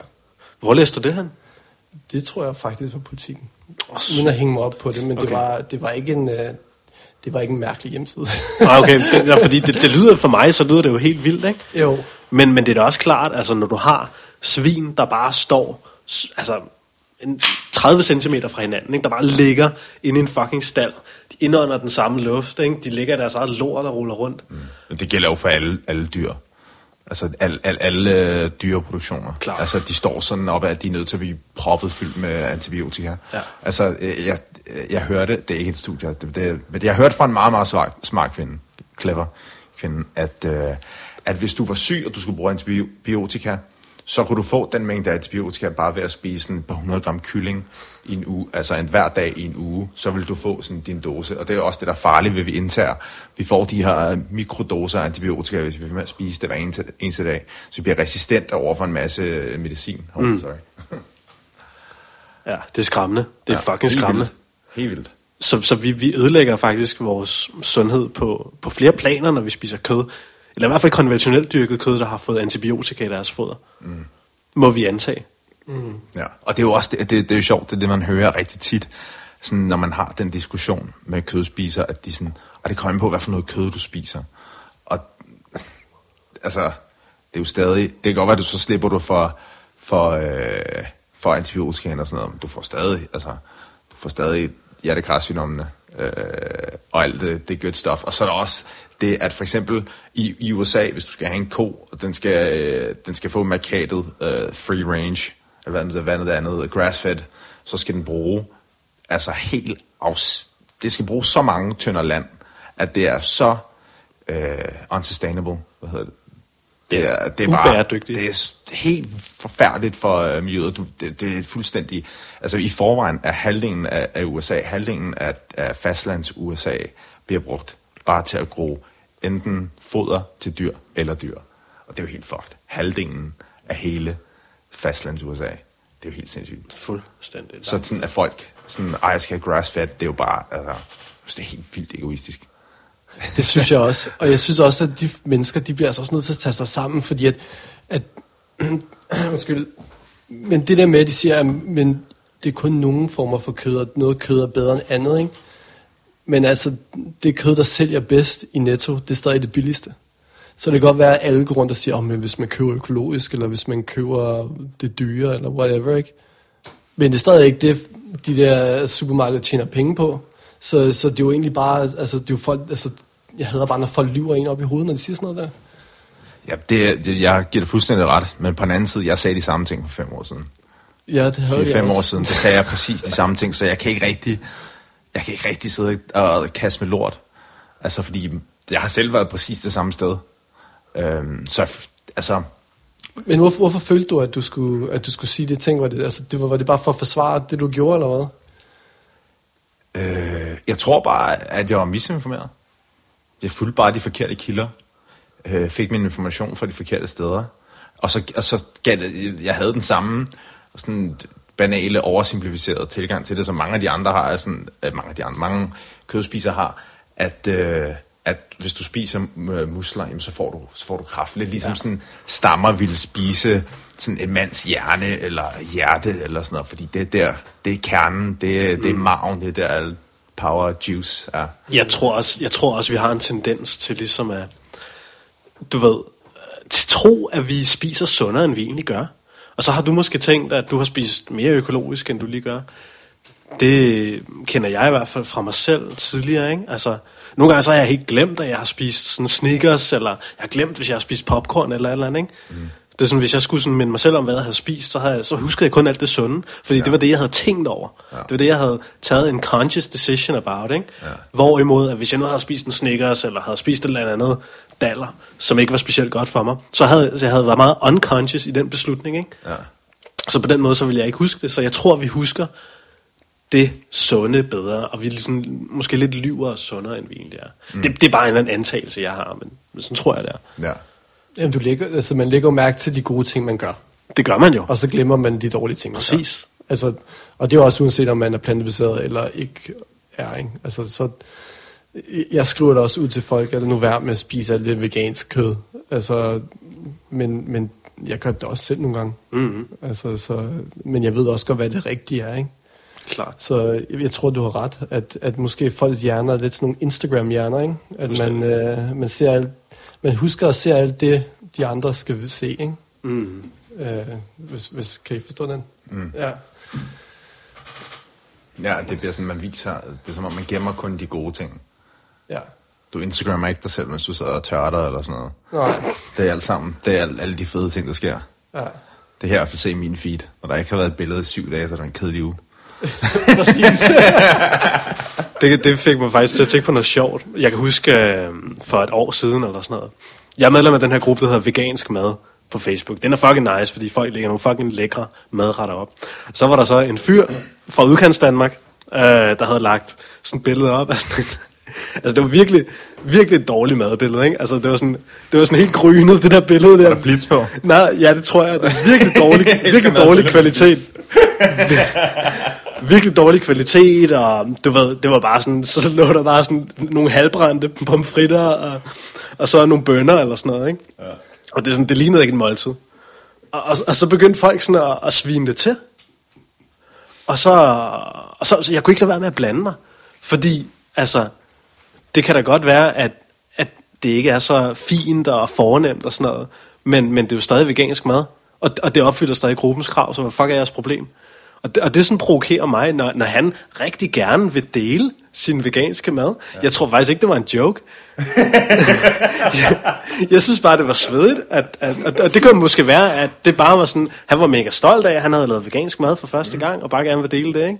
Og så sviner folk ham bare og siger, åh, det ser totalt klamt ud, det der, det havde jeg overhovedet ikke lyst til at spise.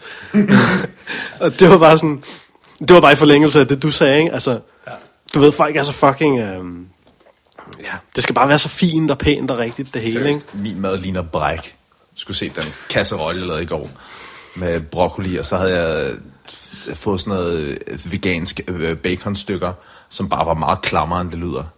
Og at det lignede bare bræk, hele den der balle, jeg havde lavet. Der, ja. Jeg, jeg, jeg, kan godt lide, øh, jeg kan godt lide, hvordan vores samtale drejer sig hen på det her, fordi at, det tror jeg faktisk er ret inspirerende. Fordi folk tror også, at når de bliver veganer, så skal man lave mad, der ligner det der, som man ser på Instagram. Helt sikkert. Øh, og så, så jeg har vejledt mange mennesker i vegansk kost, og, og de siger, men jeg kan jo ikke lave mad. Bare sådan, og så fortæller dem, det kunne jeg heller ikke i starten. Altså, så når, når man skal lære at lave nyt mad, så fejler man. Mm. Og du fejler måske flere gange, og du fejler måske mange gange, og du fejler måske også øh, på et tidspunkt, hvor du skal, hvor du skal have gæster. Altså, mm. øh, så det jeg bare prøver at sige er, at det er altså, det er altså i orden, at, at, man, at man fejler, når man, når man laver en helt ny livsstil. Ikke? Jeg fejler også stadig. Ja, det altså, gør jeg da også. Jeg laver også mad, der nogle gange smager helvede til. Ikke? Ja. Så kommer jeg til at lave en her sidste uge, så lavede jeg en stor lækker salat. Og så fuckede jeg bare min salatdressing totalt op. Ja. Så, så helt, altså jeg troede, det var en lækker dressing, uh, med masser af citron og sådan noget. Ikke? Ja. Og det var bare sådan, det gjorde bare salaten uspiselig. Altså. Ja. Men jeg spiste den så alligevel, fordi jeg bare ville straffe mig selv for min dårlige kreation. Ikke? Ja. Men her så er det bare vigtigt, at du så ikke tager et billede af det. Altså, ja. så... Det så ret godt ud, men jeg, jeg fik så ikke taget billeder af det. men altså, det er jo rigtig altså, det er jo, det er jo et løbende eksperiment, og sådan ser jeg faktisk også plantebaseret kost, og det at leve vegansk. Ikke? Altså, det er ikke bare det er ikke bare en færdig fase. Det er noget, vi bliver ved med at eksperimentere med. Det er noget, vi bliver ved med at udvikle os i. Det er i hvert fald noget, jeg tænker rigtig meget på. Mm. Men der er jo også altså, der er jo opskrifter på vidderligt alle retter. Sådan veganske versioner. Du kan lave alt med en True. vegansk version. True. Jeg kan ikke, altså, du kan jo få alt. Jeg, jeg bestilte lige en helt, sådan en kæmpe pakke fra uh, Veggie Shop 24, tror jeg den hed, sådan en mm. tysk side, hvor de bare havde, altså, de tyske sider har jo det vildeste udvalg, og der er også åbnet den der Greeners dansk øh, webshop, og ja, der er også en anden. Go Vigo. Ja, ja, ja, den, den synes ja, jeg også er Ja, den der, I smed noget promovering op for ja, dem øh, ja. for et par dage siden. Ja, det er en atlet, der også kører den faktisk. Ja, fedt. Jamen, ja. så altså, man kan jo få, altså specielt hvis du skal lave sådan noget, jeg har jeg bestilt en masse sojagranulat, som bare, det smager overdrevet godt, og det holder bare en, øh, altså, holder dig med i afsindig lang tid. Mm. Øhm, så altså, jeg, man har ikke rigtig, altså, hvis man har internettet, så er der ikke rigtig så mange undskyldninger, synes jeg. True. Altså, for du kan, altså, det handler om at lege lidt med det. Jeg synes, den nemmeste måde, det er bare at finde ud af, altså, at de ting, du spiser i forvejen, hvordan, hvad er den veganske version af det her? Ja. Altså, det, det værste sted at finde inspiration, det er fandme Instagram. Fordi ja. de der, de, de, bruger jo, altså, de bruger jo halvanden time på at lave de der fucking smoothie balls, og så lave mønstre chia-frø ved siden af hemfrø, og så lige uh, pumpkin seeds og sådan noget, ja. og det der jo er så... Der er ikke nogen, der gider. True. True. Det er jo ikke, det er jo ikke virkelighed. Altså. altså min kæreste, hun gider godt. Nogle gange. Ja, ja. Men hvor lang tid tager det ikke lige? Ja, men det ved det, ej, det er så slemt er det heller ikke. Men altså. Ja, men det er igen det der, når man har øvelse, ikke? Altså, ja, ja. Altså, men det er jo også... Neil, min kæreste gør det også. Altså, og så jeg tror, der har Det er også hendes arbejde, ikke? Jo, jo, jo, men der har også været et par gange, ikke for at hænge hende ud, men hvor jeg selv, altså hvor det faktisk er mig, der har lavet maden, og jeg bare tænkte, okay, det er sådan standard ret, ret det her, ikke? Mm. Og så bruger hun lige to minutter på at putte det i en flot skål, og, øh, og lægge nogle blomster på, eller sådan nogle spiselige blomster, eller, eller lave lige en avocado, så at den ligner en blomst, og så tager et billede af det i et rigtigt lys, ikke? Og så ligner det bare noget, hun har lavet. Ja. Ja, hun er sindssyg. Jeg, jeg kender hende jo fra... Øh, jeg, jeg arbejder på Souls, hvor Neil har lavet øh, menuen. Ja. Og der var sådan, sådan, når hun var inde, så skulle hun lige se, om jeg havde lavet... Og jeg, altså, det var sådan mega, jeg, var, jeg var god til at lave mad hurtigt. Jeg kunne lave det lynhurtigt. Men det var aldrig særlig pænt. Og skulle, så, sådan, så jeg føler altså sådan lige kigge over skulderen der, og sådan lige sådan, og så jeg var altid, åh oh shit, Niel er, nu skal jeg, nu skal, skal jeg lige gøre lidt bedre. det bliver hun glad for at Men sådan var jeg, sådan var jeg også, hvis, hvis uh, Matt eller Jason var der også, så skal det lige være ekstra, uh, ekstra ja. godt. Fordi for mig var det altid bare sådan, oh shit, hvor hurtigt kan jeg lave det her? Hvor mange, hvor mange retter kan jeg lave på en gang? Skal jeg lige gang i to sandwiches, to salater? Puh, jeg laver det. Det var sådan, en det konkurrence, synes jeg, ja, jeg synes, det var meget der. sjovere at gå op i. for Sådan, selvfølgelig, det, det lignede aldrig rigtig lort, men det blev aldrig lige så pænt, Ja. som når nogle af de andre lavede det. Mm. Øh, fordi jeg synes, det var meget sjovere bare sådan, hvor meget, hvor, hvor meget kan jeg lave på en gang? Klart. Drengene, vi har været i gang øh, snart knap en time og et kvarter. Åh, oh, cool. Og ja, Ja, men tiden flyver, når man ja, har det sjovt og hyggeligt og lækkert. Ja. Så vi bliver nok desværre snart nødt til at lukke den. Men øh, Kasper, vi har nogle faste spørgsmål, vi bliver nødt til lige at stille dig, inden du Okay. smutter. Fordi vi, Niklas og jeg har virkelig sådan brainstormet hårdt på dem her. Og virkelig tænkt, okay, det, det skal vi fandme spørge dig om. Ja, nu er jeg her jo endelig. Nu er, nu er du der. Vil, vil, det, er, det, det, er så, det er så dybt, det her. Hvil, hvilket råd vil du give til dit 15-årige jeg? Det er sjovt, fordi jeg blev faktisk stoppet på øh, hovedbanegården af TV2, og de spurgte mig om akkurat det samme. Sygt. Hvor jeg skulle sådan stå på sådan, øh, den der trappe, sådan oh, elevatortrappen, ja, Ja, ja. der rulletrappen. wow. Og så, så havde jeg kamera i hovedet også, ikke? Nå, men øh, selvfølgelig er det oplagt at sige, at øh, jeg skulle have været plantebaseret, ikke? Mm. Men hvis jeg skal lige se ud over alt det her grønne noget der, så var det måske bare at være lidt mere tålmodig øh, i, i ens sådan, karriere, og være lidt, altså jeg var, jeg var glad og sådan noget, men, men, men jeg prøvede virkelig at øh, skubbe ting, som, øh, som måske ikke lige skulle skubbes, og måske skulle man bare have sagt, at nu, øh, nu er jeg her på grund af noget, øh, og så gør jeg arbejdet færdigt her, og så ser jeg, så må jeg lige vente til det er min tur, eller et eller andet. Så lige være lidt mere, øh, ja, lidt mere ydmyg måske. Næste spørgsmål, Niklas? Det skal jeg simpelthen læse op. Det skal du. Eller, det er ikke skrevet ned. Det Jo, er, jo, det, er lige det- fra, det er fra hjernen. Nej, det er fra hjernen. Nå ja, det er rigtigt, det er fra Jan. Hvad Det, det, kan, det kan folk ikke se på kameraet. Oh, nej, fuck. Det har helt glemt. Big Brother's watching you. Oh ja. Øhm, ja, hvad er din værste dårlige vane? Har du nogle vices? For eksempel, jeg har, jeg har mit vice lige her. Øh, den er faktisk svær. Jeg har for eksempel aldrig drukket alkohol. Har du aldrig nogensinde drukket alkohol? Og jeg har drukket, men jeg har aldrig sådan været fuld. Wow! Ja. Sygt. Så, øh, så jeg har faktisk været sådan meget øh, sådan strict, måske ved mig selv. Øh, Var det på grund af sporten, eller? jeg tror, det handlede om, at, øh, at, øh, at jeg rigtig gerne ville være professionel håndboldspiller. Mm. Og så da alle andre i gymnasiet, de, øh, de tog til øh, fester, så tog jeg op i hallen og trænede. Øh, fordi vores halvtræning lå om fredagen, hvor der var fest, så, så der valgte jeg jo halvtræ- halvtræningen.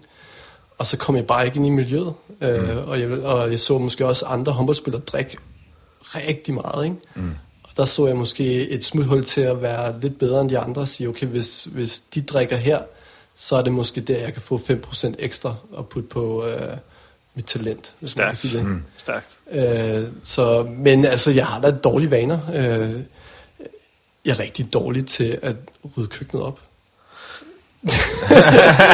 jeg synes, øh, jeg synes, det er noget, jeg, jeg skubber tit.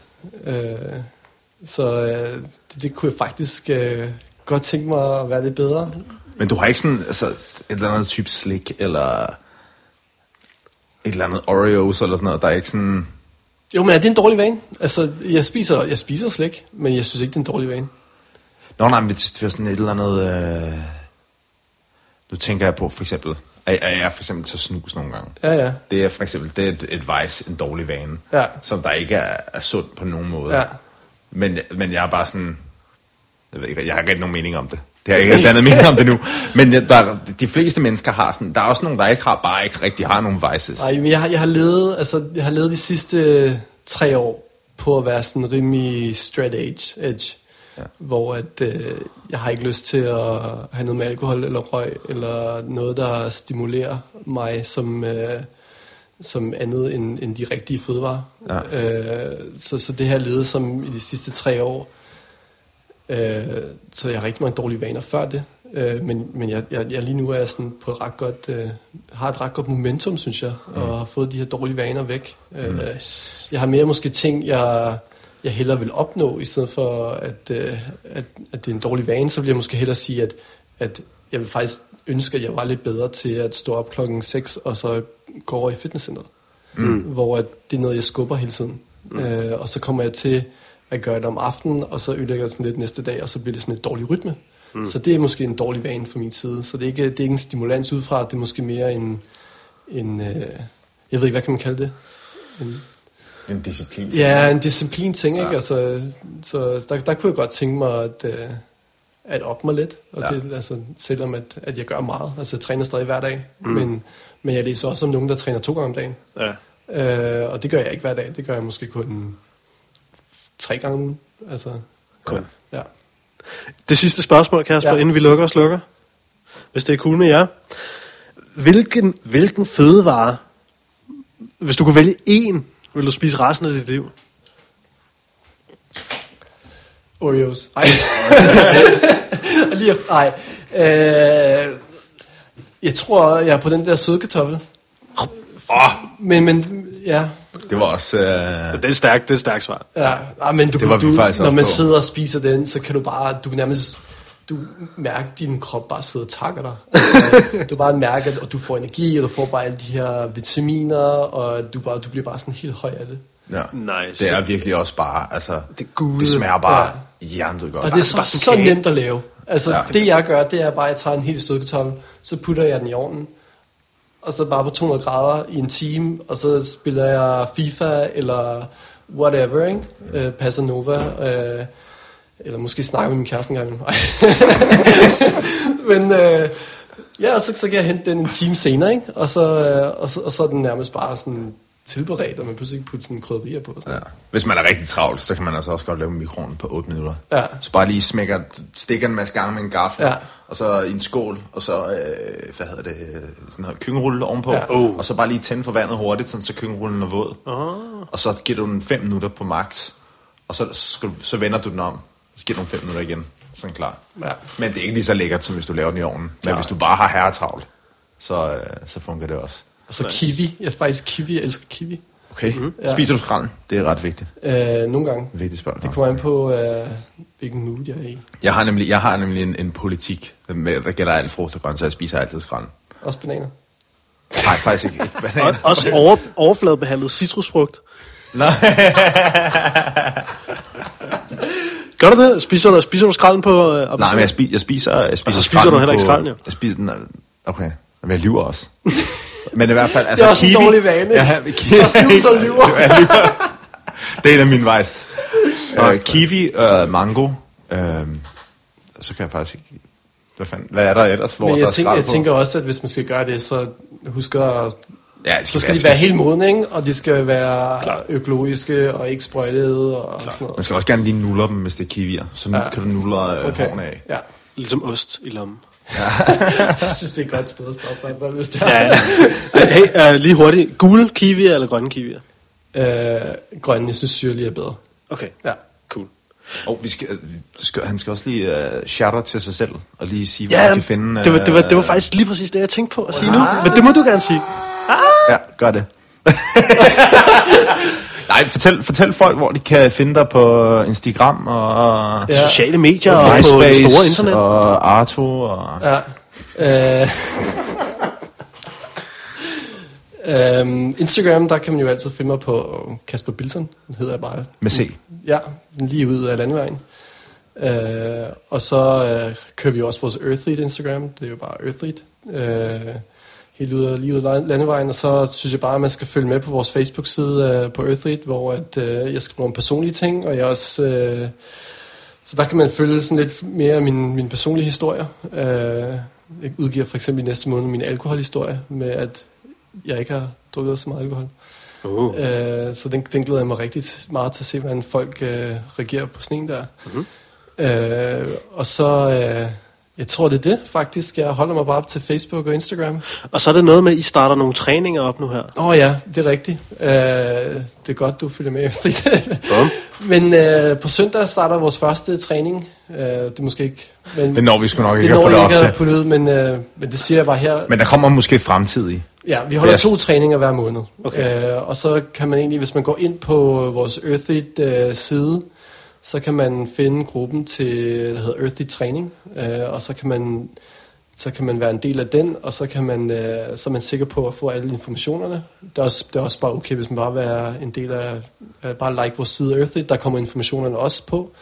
Øh, men det er for at skabe det her lidt mere, et lidt tættere plantebaseret træningsmiljø samfund, øh, hvor vi alle sammen kan lære hinanden lidt bedre at kende, øh, og hvor vi har nogle rigtige vejledere derude og skal vejlede folk i at træne. Øh, nogen, der enten er personlige trænere, eller som læser til det, som kan teste nogle af deres metoder ud. Øh, så har jeg for eksempel også snakket med en af dine venner, Malte, øh, som, øh, som er, er løbetræner, eller, eller, eller Ja, er det ikke det, han er? Jo, det ja, er han det prøver han i hvert fald på. Ej, Jamen, det er, Ej, jeg tror, han sagde, at han studerede til det. han har i hvert fald revolutioneret min løbeteknik. Ja, så og, og det, han det har ved helt han sikkert... alt om, ikke? Det gør han. Så han kommer også øh, på et tidspunkt, altså vi kommer til øh, at have alt fra yoga til løb, til styrketræning, til... Altså whatever. Altså, Nice, ja. Kunne det så være, at der kom et Earthly Gym i fremtiden lige frem? Jamen, det er jo min største ønske, det er at, at kunne åbne en Earthy Gym med en lille lækker cafébar Uden Nutramino. uden Nutramino. ja. Og det er faktisk min største, øh, største drøm, hvor man bare kan være oppe i centret, hvor der er socialt, og hvor man tør snakke sammen, fordi man bare ved, at, at hey, vi alle sammen vi er inde i kampen. Nice, mand. Ja. Og med det, så tror jeg, at vi skal se at lukke dagens podcast. Helt sikkert. Niklas, Kasper, det var fandme, det var fandme lækker. Så fedt. dejligt, altså. Det var super fedt at være med. Jeg håber, jeg får en invitation til på et tidspunkt. Det kan godt være. Helt klart. Det kan godt være, at vi øh, får dig ind igen og snakker om, fordi der er så mange flere ting, vi gerne vil have snakket om, men du ved, tiden løber fucking hurtigt, når man hygger sig. Mm-hmm. Øh, og ja, kære lytter, jeg håber, at du har lyst til at lytte til Plantetinget en anden gang. Øh, vi har i dag optaget på GoPro og på kamera, og vi vil måske få dagens afsnit op på YouTube, hvis muligt. Vi skal lige lege lidt rundt med det. Det er i skal hvert vi i fald hvert en, øh, en, en test. Mit uh, Canon er lidt uh, unreliable. Oh, Men ja. nu ser vi, hvordan det går. Vi prøver i hvert fald. Ja. Så tak fordi du lyttede med, og vi snakkes, tales, lyttes bare ved næste gang. Hej hej. Ses.